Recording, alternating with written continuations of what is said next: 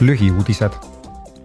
esmaspäeval Türgit ja Süüriat tabanud maavärina ohvrite arv kasvab üha ja paljud inimesed on veel rusude all. pärast Türgi palvel kohe aktiveeritud Euroopa Liidu kodanikukaitsemehhanismi on üheksateist Euroopa Liidu liikmesriiki koos Albaania ja Montenegroga saatnud teele päästemeeskonnad. üksteist meeskonda on juba katastroofipiirkonda jõudnud.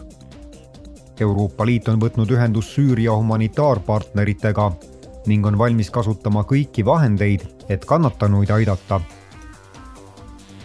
Euroopa Parlamendi tööstuse, teadusuuringute ja energeetikakomisjon hääletab täna eelnõu üle, mille eesmärk on muuta riiklikud digitaalse identiteedi süsteemid koostalitusvõimeliseks kogu Euroopas ja hõlbustada internetipõhist juurdepääsu peamistele avalikele teenustele selle eesmärk on, et kahe tuhande kolmekümnendaks aastaks kasutaks vähemalt kaheksakümmend protsenti kodanikest e-identimist.